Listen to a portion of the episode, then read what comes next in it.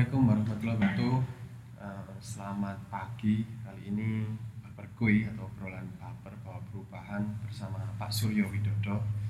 Ini Pak Suryo Widodo merupakan direktur dari Jawa Timur Park 3 dan sekaligus pengelola hotel juga, Pak. Ya. Oke, perkenalan dulu Pak Suryo Widodo. Saya persilakan. Ya, assalamualaikum warahmatullahi wabarakatuh. Salam sejahtera bagi kita semua. Selamat pagi. Terima kasih Mas Rizky yang bincang hari ini. Dan apa yang kita bawa ini membawa manfaat bagi semua. Oke, baik Pak. Terima kasih. Nah, tujuan kita podcast pada pagi hari ini kita akan meyakinkan para wisatawan yang ini ke Kota Batu ya.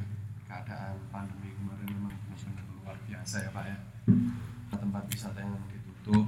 Nah, dalam obrolan cover ini semoga nanti didengarkan oleh teman-teman saya mau ke Kota Batu Spotify kami. Maka dari itu eh, kita lihat latar belakang dulu Pak kejadian kemarin ini kan Jawa Timur Park itu suka maupun nggak suka bahwasanya Jawa Timur Park adalah ikonnya kota Batu yang di mana ketika saya bawa tamu jujukan pertama yang pasti dicari oleh wisatawan itu pengen ke Jawa Timur baik dua maupun tiga maupun museum anggota terutama tiga ini yang baru ya Pak ya Betul. baru beroperasi berapa lama Pak? Kita baru beroperasi dua tahun. Ada satu wahana yang beroperasi masih dua bulan. Itu milenial juga. Oh ya Millennial Blue Garden yang baru Dua bulan. Jadi teman-teman di Jawa Timur Park 3 ini yang terkenal Dino Park, yang kedua adalah Legend Star.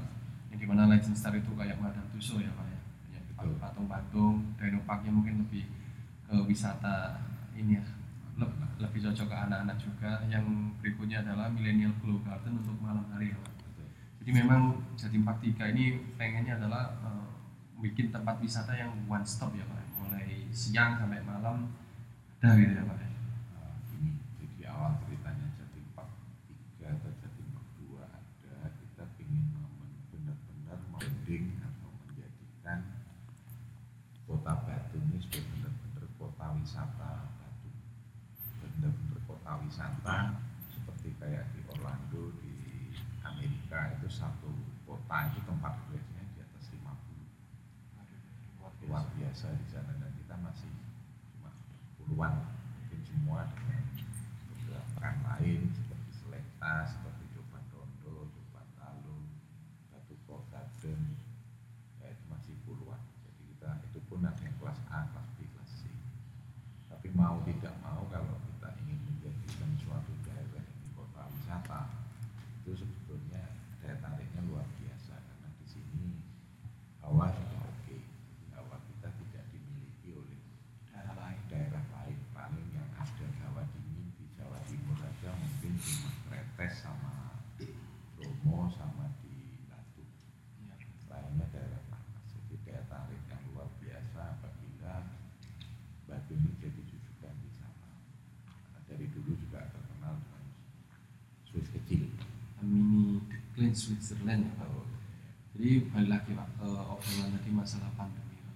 Mungkin kan tingkat okupansi Jawa Timur kan luar biasa fantastis Me- mes- meskipun terpecah ya Pak yang ke Museum Angkut, ada yang ke Jati Park 1 2 hingga ke Jati Park 3.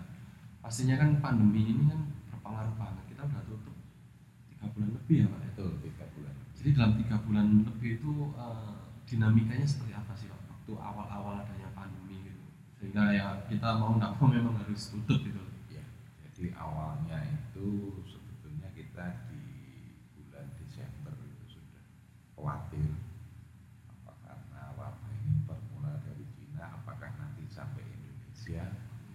Nah, ternyata diobrolkan dengan malam peduli demokrasi dan sebagainya. Nah, akhirnya terbukti bahwa corona ini, Ya, COVID ini nyampe nyampe ke Indonesia. Indonesia. Dan di bulan Februari kemarin kan kita nggak nyangka. ya. Februari masih santai, masih belum terasa dampaknya. Begitu bulan Maret.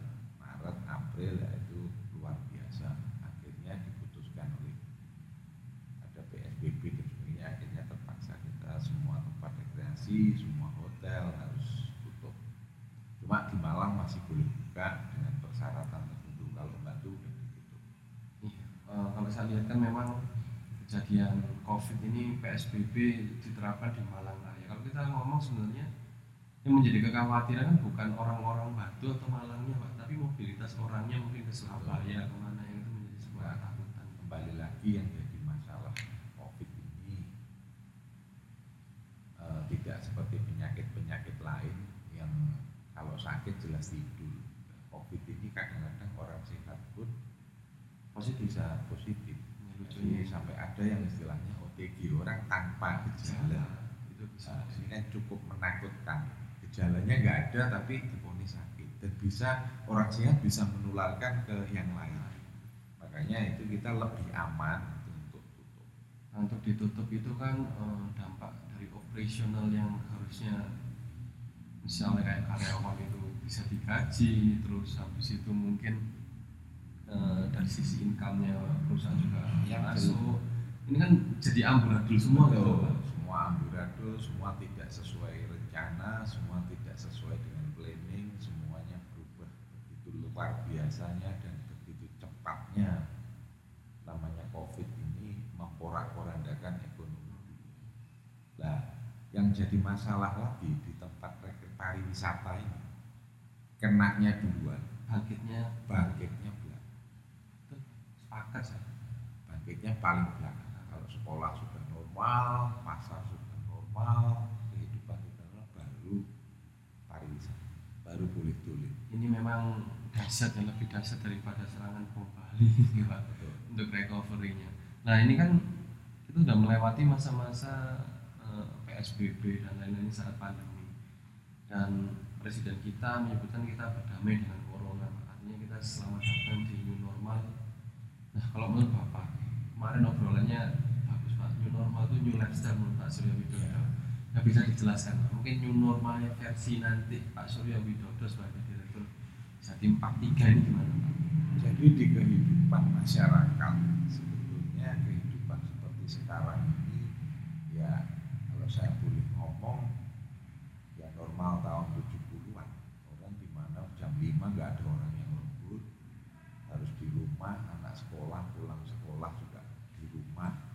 Paling dolan ya ke tetangga nggak ada orang yang keluyuran les ngafe ngopi. Nah, itu nggak ada. Jadi kembali ke tahun 70 kalau bikin kopi yang ngudek sendiri cuma 1000 atau 500 kalau kemarin beli di beberapa tempat kopi sampai 25 50 ribu itu yang nggak normal. Jadi sama Tuhan kita harus di normal harus sedikit bersyukur juga kita dinormalkan kembali.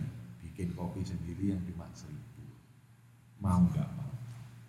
Eh, itu kan bagian new normal perubahan gaya hidup baru pak. Bikin sendiri ini sendiri. Nah, kita balik lagi ke Jatim 43 Pak. menyambut new normal ini seperti apa pak? Jadi kita menyambut new normal, menyambut masa transisi ini sampai dengan new normalnya itu sendiri, kita banyak sebetulnya persiapan-persiapan yang harus dilakukan, terutama internal. Jadi karyawan kita itu harus kita edukasi sedemikian rupa karena begitu normal ini pasti banyak tantangan-tantangan, pasti banyak tamu yang melanggar, pasti banyak yang misalnya namanya foto pakai masker kadang-kadang juga buka karena lupa nutup lagi. Terus makan timbul antrian dan sebagainya nah ini yang tidak kita inginkan makanya pemerintah juga menetapkan beberapa protokol satu harus pakai masker dua cuci tangan tiga jaga jarak. Nah, ini protokol utama. Nah, di tempat rekreasi juga sama. Protokol ini utama jadi syarat utama itu tadi jaga jarak pakai masker cuci tangan. Sehingga kita harus menyiapkan tempat cuci tangan gimana kita mempersiapkan alur-alur supaya orang itu jalannya searah nggak tabrakan nggak untel-untelan dan sebagainya demi juga nanti tiket kita juga berpikir ke arah online online. Nah, tapi juga tidak semudah itu karena online itu semua butuh persiapan, butuh infrastruktur IT infrastruktur IT-nya, manpower-nya semua harus benar-benar tertata. Kalau enggak malah dan semua yang sifatnya online itu tidak mau ujuk-ujuk bahasa Indonesia-nya apa ujuk tiba-tiba mereka langsung berhasil pasti ada tahapan-tahapan yang Oke. sebagai contoh ya, Iya.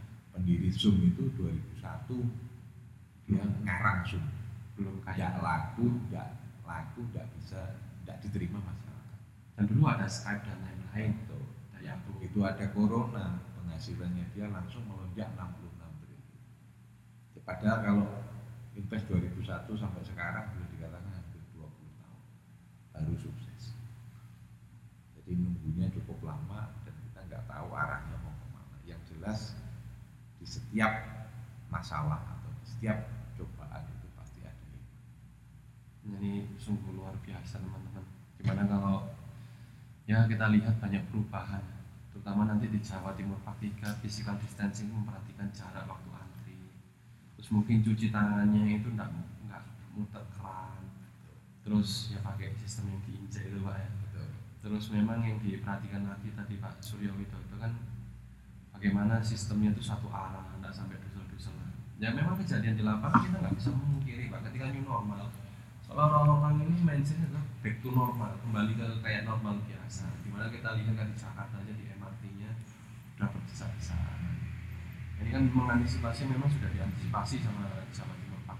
Nah, ini balik lagi Pak. Ini kan eh, kita membahas sudah mulai ke pemulihan ekonomi atau ekonomi recovery-nya. Di mana Jawa Timur Pak Tiga ini kan punya eh, financial capital yang menurut saya besar, sumber dayanya yang diserap juga gede. Strategi-strategi apa sih Pak eh, dalam menangani new normal ini agar paling tidak ekonomi di Batu itu minim kalau nggak bisa pulih di angka 6% paling tidak itu separuhnya lah 3 atau 4 persen itu Pak. Jadi memang untuk recovery atau pemulihan, jadi ibarat eh, COVID ini ibarat sakit itu sakitnya itu ya perlu latihan, ya stroke. Jadi nggak mungkin orang stroke itu begitu sembuh langsung jalan ya pasti ada tahapan-tahapan yang harus dilalui. Makanya dengan adanya COVID ini sebetulnya luar biasa hikmahnya bagi bangsa dan negara ini. Satu, orang yang dulunya kepingin ya sesuatu yang serba import seperti buah misalnya ada Oh, buah iya. empat ya. Ada apel Fuji ada apel Australia ada Washington ada apel lokal apel lokal ketinggalan. Anak mana lagi Nah, pasti milihnya terakhir ya karena kelihatan kecil. Tapi karena yang impor nggak masuk mau nggak mau kita juga oke lah gitu. Nah ini sebetulnya satu sisi kita membuat kita cinta tanah air mencintai Nah, memang impornya gila-gilaan Pak. Kita tahu sendiri kalau dalam keadaan normal ya mungkin kalau beras masih untuk stabilisasi harga oke lah saya masih bisa terima. Tapi ketika buah yang masuk ada di jeruk, apel dan berbagai produk-produk lainnya tuh benar-benar bikin petani di hulunya tuh nyungsep Ah, juga Pak. mungkin ini sedikit melenceng dari COVID. Mungkin saya sedikit ngasih penjelasan memang saya pernah diskusi juga dengan Kemendak dan berbagai instansi. Kenapa sih kalau pada waktu panen jeruk atau panen apel kok kita mendatangkan apel? Nah itu sebetulnya ada persoalan ekspor impor ini ada persoalan G2G. Itu government. Nah, jadi kalau kita eh, misalnya ekspor batu bara ke Pakistan, Iya. ya Pakistan harus ngirim sesuatu ke Indonesia. Cuma kita jangan sampai kalah di kurs, Ya, atau di kalah di neraca perdagangan kita beli jual 100 ribu, kalau kita ya kalau bisa belinya 1000 supaya kita masih untung. Nah ini saya lagi Pak biar obrolannya kita nggak melenceng. Oke, tadi kita membahas masalah produk-produk lokal udah mulai terserap di pasar. Nah ini nanti di setting part 3 Pak. Apakah dalam penerapan new normal lokal-lokal konten juga diperhatikan Pak? Misalnya kayak produk pertanian mungkin bisa masuk di mallnya setting part 3 atau seperti apa. Ini kan juga bagian dari strategi pemulihan ekonominya Kota Batu. Eh, Sebetulnya selama Jatim Park berdiri kita tidak pernah menguas eh, tidak pernah semua makanan itu kita olah jadi semua pedagang semua itu kita melibatkan UMKM milik pihak ketiga jadi kita tidak ada yang makanan kita kelola sendiri terus semua kita ya kayak di Disneyland semua souvenir dari PT semua makanan kita selalu melibatkan efek ekonomi di Batu ini cukup besar itu ya karena semua terlibat Terserap lah Pak. semua terserah Mulai dulu. memang ada beberapa masyarakat yang kadang tidak bisa bermain di dalam ini sehingga tidak setuju. Sebetulnya kayak gini kita buka travel juga kita serahkan pihak ketiga, Iya. bukan punya kita sendiri kita hanya punya satu dua.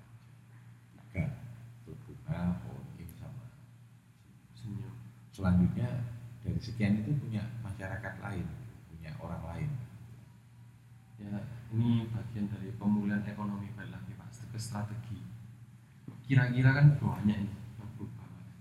Jadi udah kita ngomong lifestyle dalam media promosinya gimana sih Pak? Untuk strategi kita ngomong ke bisnis recovery-nya. Nah kalau bisnis recovery yang jelas kembali lagi tadi tidak seperti pariwisata akan turun Iya, pariwisata itu bangkitnya belakangan apalagi sekolah masih libur ekonomi belum normal. Di seputaran kita masih banyak zona yang sebetulnya kalau kita mau membuka ya tingkat kehati-hatiannya cukup ekstra.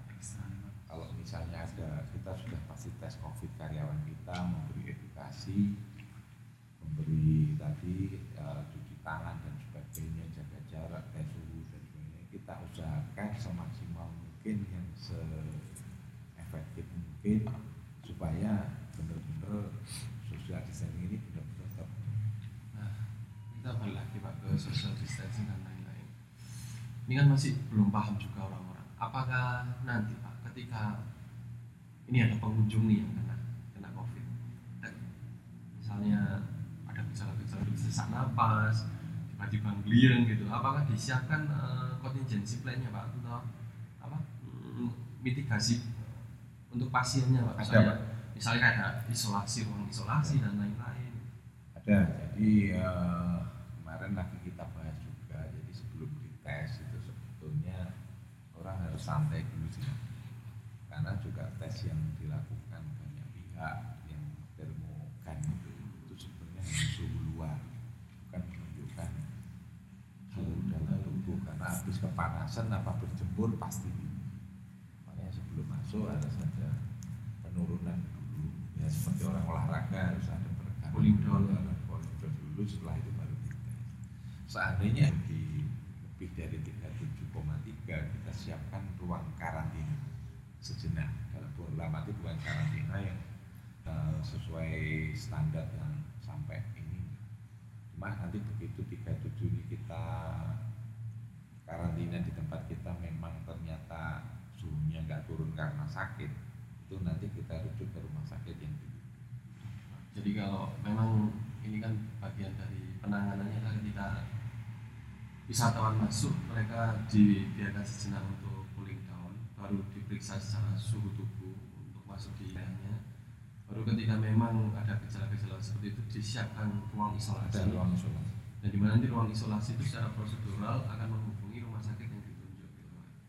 Jadi untuk teman-teman wisatawan jangan khawatir bahwasanya berkunjung ke Kota Batu khususnya ke Jatim Park memang sudah disiapkan Pak ya untuk eh, inilah standar operasional prosedurnya kita ada wisatawan yang terjangkit COVID ya. di mana kita nanti akan memutus rantainya di situ terutama di ruang isolasi Pak menurut saya ruang isolasi ini kan sangat penting ketika kita mengetahui jangankan eh, apa eh, orang yang sakit itu tapi eh, itu kan yang penting SO dalam penanganan pak.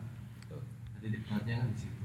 Dan memang eh, pastinya ini pak yang tadi yang gimana wisatawan ini kalau saya baca jurnalnya kan mengenai Persif Story pak ada ada lima hal yang menjadi pertimbangan wisatawan tuh mau berkunjung yang pertama itu physical risk atau resiko fisik ya. Di mana resiko fisik ini mereka takut tertular di tempat wisata takut tertular di bandara maupun di tempat-tempat keramaian yang lain yang kedua memang adanya eh, psychological risk resiko psikologis di mana ditakut-takutin berita.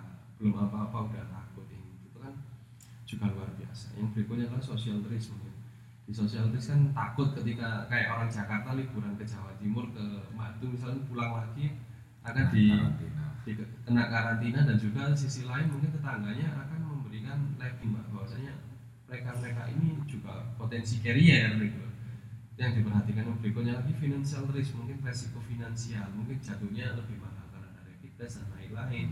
Yang biasanya kita pakai tour yang harga cuma 1,4, 1,5 atau 1,6 mungkin bisa membengkak karena eh, base-nya harus diisi cuma separuh kayak gitu. Akan timbul di situ. Berikutnya lagi adalah masalah financial risk sudah. Uh, performance risk pak atau resiko performa yang di mana kalau dalam keadaan normal oke. okay. Nah, di hotel-hotel kita bisa makan ya pak. Makan uh, sarapan breakfast itu kita bisa ngambil semua. Ini kan tinggal nanti diantar terus atau diambilkan. Ini kan perubahan ya pak. Nah Jatim Park dalam melihat itu gimana pak? Mengenai yang saya sebutkan lima poin tadi itu. Jadi kayak makan yang di food court ya misalnya kita ada food court langsung seperti arahan Kemenkes yang baru kemarin itu harus disiapkan kayak kotaan terus sendalnya pun nanti ada tempat steril kalau hotel eh, kayaknya nanti makanan itu sudah tinggal pilih jadi tamu datang itu langsung pilih besok pagi mau breakfast apa paket A B atau C mungkin kita antar ke sana. kita masih dalam kajian Dalam kajian. untuk mengurangi tingkat. Ya interaksi kan untuk tempat-tempat umum di kita banyak tempat umum kayak ada mini cola, ada kolam renang, ada fitness, ada steam, ada sauna, ada indoor playground, outdoor playground dan nanti kita atur pakai reservasi. jadi jadi tetap bisa nge-gym tetap bisa pakai kolam renang semua fasilitas bisa dipakai. Nah soalnya saya melihat beberapa hotel di kota Batu yang kemarin saya syuting ya jujur aja pak. Eh, wisatawan ketika kita tanyain ya banyak yang kecewa juga dengan fasilitas beberapa fasilitas nggak bisa dipakai kolam renang terus tempat gymnya juga nggak bisa dipakai. Ya akhirnya cuma tidur tidur di kamar gitu. Nah ini kan Jatim Park sepertinya lebih siap untuk melihat itu ya pak. Bahwasanya tempat-tempat fasilitas hotel itu bisa digunakan. Sebetulnya dengan adanya COVID ini permintaan senyumbet ini cukup tinggi karena merasa eh, mungkin merasa di tempat kita meskipun di kamar aja istilahnya fasilitas hotel kita termasuk klub bunga itu cukup banyak cukup banyak. Yang sedang baca buku ya ada perpustakaan yang mau jumbo cuma persoalannya karena kapasitas dibatasi sehingga harus reservasi jangan sampai eh, terlalu over. Okupansi berapa persen sih pak sebenarnya? Kalau diperbolehkan 50 50 persen. Nah, lima untuk hotel ini kita siapkan hanya 100 kamar mungkin untuk pun bukanya gantian jadi 50 kamar mungkin ini sisanya 50 kamar dengan pada waktu kamar yang ini misalnya selesai dipakai orang kita nunggu sehari karena kita mesti cleaning semuanya kita semprot semuanya baru besoknya bisa dipakai. Bisa dipakai. Jadi gantian Kan, kamarnya. Oke, jadi kita tanda di sini bahwasanya untuk teman-teman wisatawan Batu itu sangat siap terutama dengan senyum bot hotel ini. Di mana eh, okupansi dari hotel 50% itu 50%. 50% dan standar pelayanan ya bisa menggunakan semua fasilitas ya Pak. Seperti tempat kolam renang atau gym tapi dengan sistem reservasi ini merupakan kelebihan teman-teman. Kalau mungkin udah pernah nyoba beberapa kunjungan ke beberapa hotel yang mungkin lebih strict ya pak ya. Nggak boleh pakai kolam renang nggak boleh pakai gym tapi sini bisa. Dan yang menjadi kelebihan pak saya melihat eh, perubahan perilaku konsumennya. Tidur di hotel sekarang itu eh, kalau dulu untuk sekadar tidur habis jalan-jalan terus mereka malam check in hotel tidur breakfast habis itu jalan-jalan lagi. Ini aku saya lihat eh, beberapa wisatawan di beberapa hotel ini trennya staycation mereka akan lebih eh, menikmati fasilitas hotel lebih berlama-lama di hotel.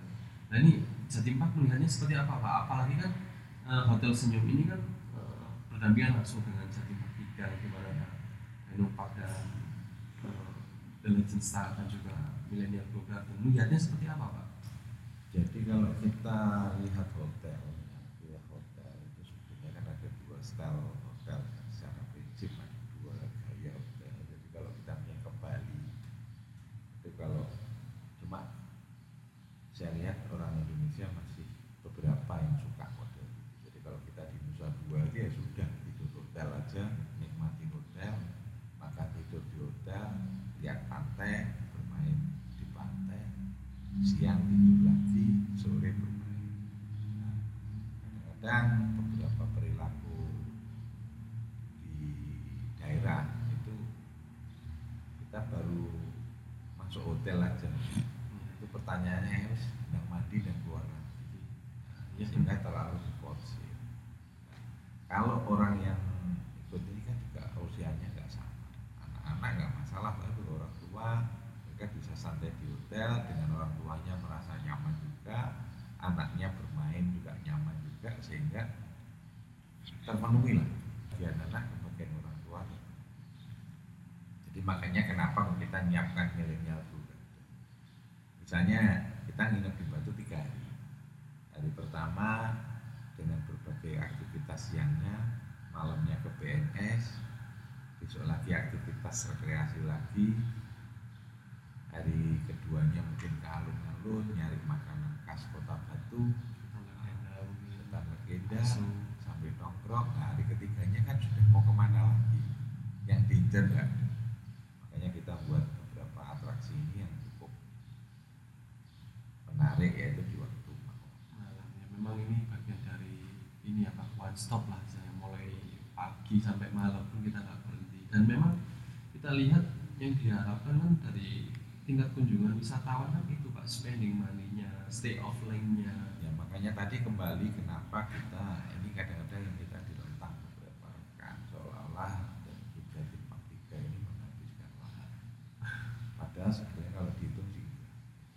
lain kalau kita punya rumah itu habis kita harus buka tanah lagi juga.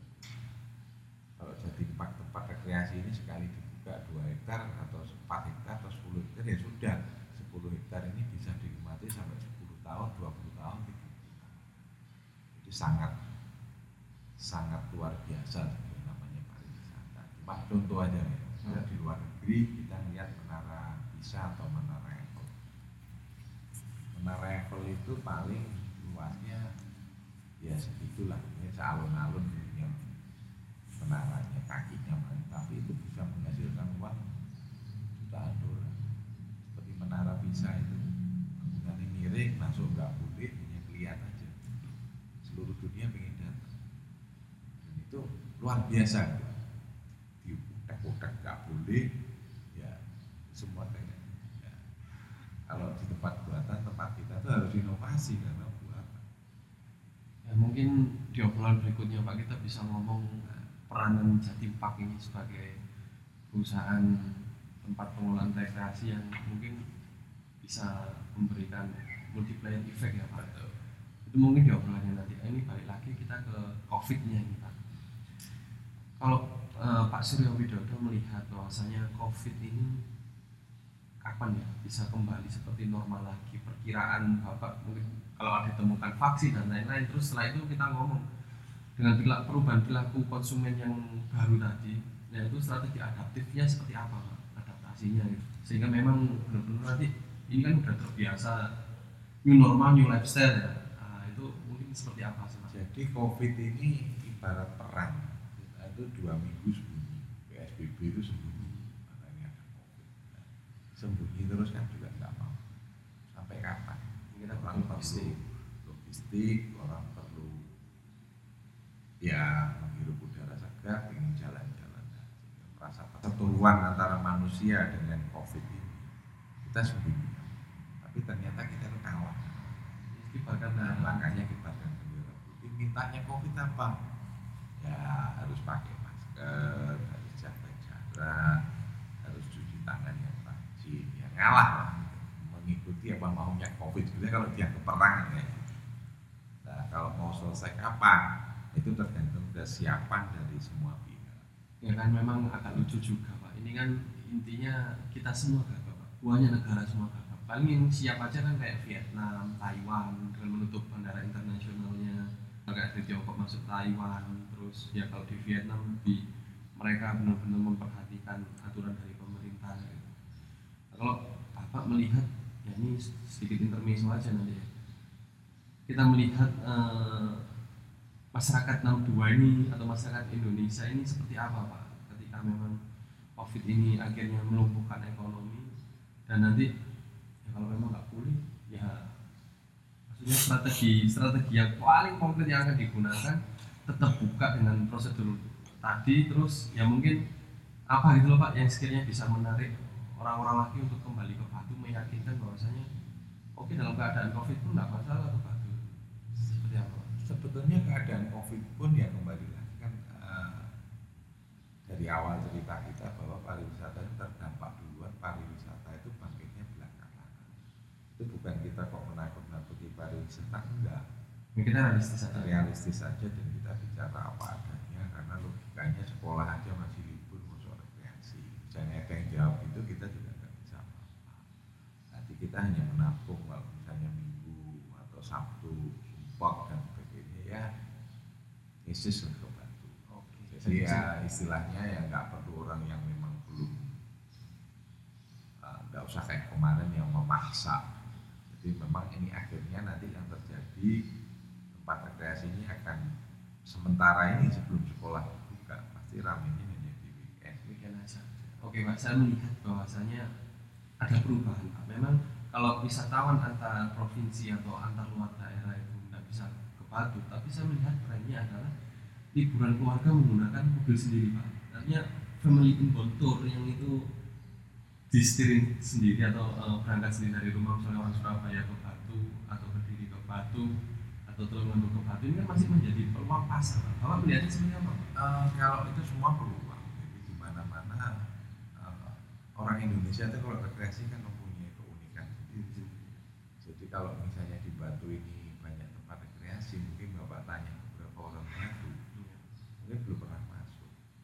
Tapi yang di luar kota di Parang Ya, jadi istilahnya rekreasi di benaknya orang-orang ini benak kita selama ini kalau rekreasi harus pindah daerah. Ya, itu baru dinamakan rekreasi. Kalau selama di sekitar kita ada pun belum rekreasi. Betul. Harus dan ada menginapnya juga. ada menginapnya Itu dari tanda kutip untuk sebagai definisi wisatawannya gitu. Memang menarik Pak. Ketika kita bicara pariwisata ini nggak akan habis habisnya. Mungkin paling enggak sebelum nanti penutup ini saya mau tanya.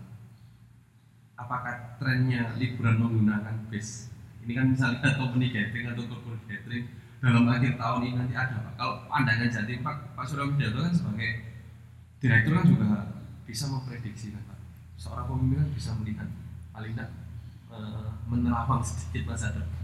Gimana Pak? Mungkin Pak masa depan pariwisata eh, masa depan pariwisata Indonesia semenjak dipegang oleh Pak Jokowi ini luar biasa. Menjadikan lifestyle. eh, Indonesia itu penyumbang. tempat wisata yang penyumbang dari pariwisata menyumbang devisa yang luar biasa. Nah, cuman di tengah perjalanan kena kok corona ini. Sebetulnya pemerintah awal pemerintahan Pak Jokowi menetapkan 10 juta wisma se- bukan 10 juta, eh, 10 destinasi wisata. Wisata dengan 20 juta wisata mancanegara. Nah, mulai dari Danau Toba, Belitung, Jogja. eh, Tanjung Lesung, Kepulauan Seribu, Komodo. Jogja, Bromo, Komodo, Mandalika, Raja Ampat, sama di Labuan Bajo. Wah, ini sebetulnya luar biasa. Dari 10 tempat destinasi itu tidak ada duanya di. Bromo pun indahnya kayak gitu. Kepulauan Seribu juga indah. Danau Toba itu malah misteri luar biasa. Nah, cuma karena apa pun dari 10 daerah ini juga nggak siap secara SDM, infrastruktur, makanya di kepemerintahan Pak Jokowi yang kedua di akhir dikerucutkan cuma lima konsentrasi ke lima kalau 10 nanti malah nggak jadi kejadian lima ini apa aja Pak? Lima itu Danau Toba eh, Borobudur Bromo sama di eh, Lombok itu Lombok ya betul Mandalikanya dengan MotoGP nah mana yang bikin ya. Nah, ini sudah melihat seperti itu Pak peluang-peluangnya nanti sebelum nanti terakhir. Em, Bapak melihat kota Batu ini setelah new normal seperti apa Pak? setelah new normal, saya yakin kalau kita sudah selesai ya, selesai covid ini dengan semua masalah yang ada dengan semua persoalan yang ada di daerah masing-masing kita lebih cerdas melihat ke depan saya yakin ke depan karena mungkin orang keluar negeri nggak bisa mungkin yang biasa keluar negeri kita akan akhirnya bisa menghargai produksi sendiri Ya, jadi inbound tour-nya akan lebih ramai. Inventur, Yang- bikin wisata Wisata. desanya, kadang pengen kita lihat sawah, kadang kita pengen metik apel sendiri, metik stroberi sendiri, pengen nginep di hutan dan itu akan muncul hal yang benar-benar back to nature-nya kan. uh, nature apa istilahnya tourism uh, based on nature-nya akan jalan ya Pak. Nanti mungkin akan kita bahas di episode yang nanti mungkin kalau ketemu lagi. Paling enggak ini satu kata penting yang mau kita sampaikan terutama untuk para wisatawan, travel agent kira-kira apa Pak? Pesan-pesan apa untuk teman-teman yang ada yang belum berkunjung ini? Iya, yang Apa? belum berkunjung mungkin mempersiapkan diri, jaga kesehatan. Nanti kalau sudah sehat, sudah ada waktu, sudah normal kembali, datanglah ke kota wisata Batu. Semuanya kita ikuti semua protokol-protokol yang sudah ditentukan pemerintah dengan memperkuat semua sistem, semua karyawan, semua nanti ada edukasi semua, baik hotel kita bersama-sama dengan PHRI juga dengan Kadin juga kita sebetulnya di masa sekarang ini ya, harusnya banyak training karyawan banyak pengetahuan-pengetahuan yang harus kita kasihkan ke karyawan dalam segala hal Tapi paling tidak kita menjamin buat teman-teman wisatawan, travel agent. Ini saya juga di ASPI Pak, Asosiasi Pelaku Pariwisata Indonesia. Mungkin buat teman-teman ASPI, ASITA, ASTINDO, mungkin ada HPP, apa pun. Insya Allah Batu sangat siap untuk menyambut era new normal. Dan ini di samping kanan saya Pak Widodo sudah menjelaskan ya Pak, bagaimana prosedur yang akan kita terapkan di saat new normal. Insya Allah monggo teman-teman eh, buat para wisatawan, buat travel agent, kita ramekan pariwisata yang ada di Kota Batu, monggo dijual pakai turnya. Kalau dalam waktu terdekat yang mau dibuka mana dulu Pak? Jatim Pak Dua Jatim Park 2 dulu tanggal berapa? tanggal 27 Tanggal 27 Juni. Ya ini paling tidak eh, sedikit aja ya bocoran dari kita bagaimana dalam menyambut new normal ini kita benar-benar siap. Sekian untuk obrolan Baperkui, semoga memberi perubahan yang bagus untuk pariwisata Kota Batu. Terima kasih Pak Surya Widodo.